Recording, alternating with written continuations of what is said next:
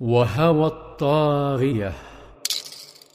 عمير بن الحمام هو ذلك الأنصاري الذي يستعد لدخول الجنة وهو يمسك بتمراته فيزن بها الدنيا. فإذا التمرات أثقل وأطول عمرا. وذلك حين سمع نبيه صلى الله عليه وسلم يقول احملوا. تأمل تمراته فقال لئن حييت حتى آكل تمراتي هذه إنها لحياة طويلة. فرمى بما كان معه من التمر ثم انطلق يسابق أصحابه نحو رقاب الوثنيين. يتوغل في غابة السيوف حتى خر شهيدا. أما ابن عوف ففوجئ بالغلامين معاذ بن الجموح ومعاذ بن عفراء. فوجئ بهما يتركانه إلى حيث أبو جهل. فيقول بأنهما شدا عليه مثل الصقرين. لكن صرخة وثنية تدوي فجأة. أبو الحكم لا يخلص إليه. فأحيط الطاغوت بسياج من الوثنيين كالشجر الملتف.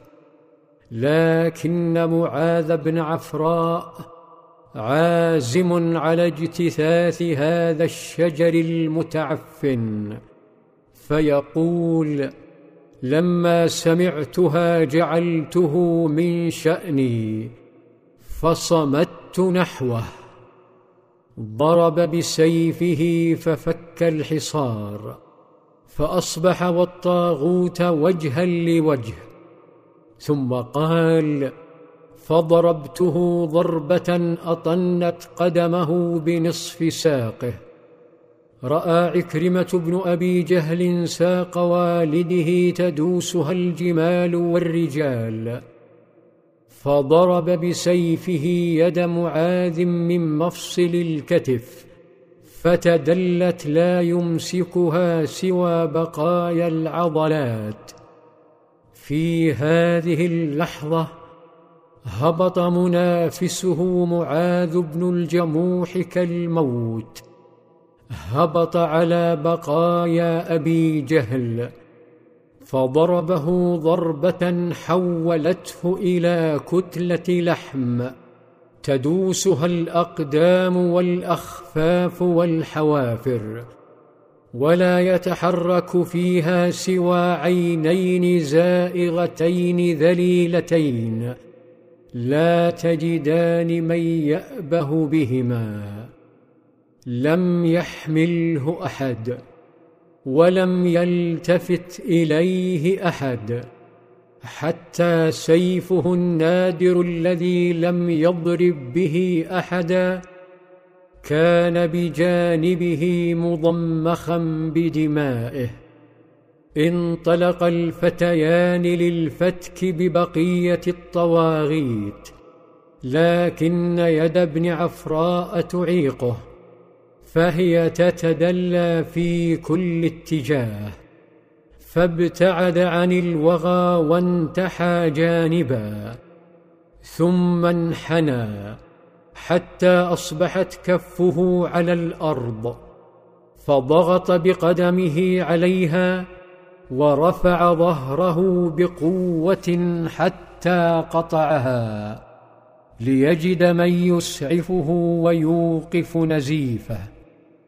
وفي مكان آخر كان حمزة كالأسد يبيد الطواغيت واحدا تلو الآخر وكان من بين ضحاياه طاغوت يقال له طعيمة بن عدي أخو الشهم مطعم بن عدي.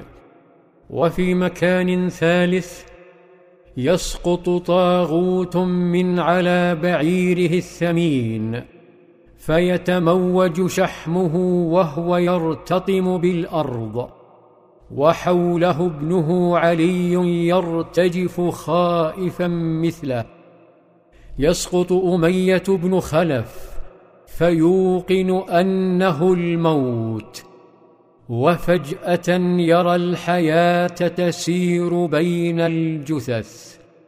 يرى صديقه عبد الرحمن بن عوف فيناشده الاستسلام فيستجيب له عبد الرحمن ليتنفس أمية مؤقتا.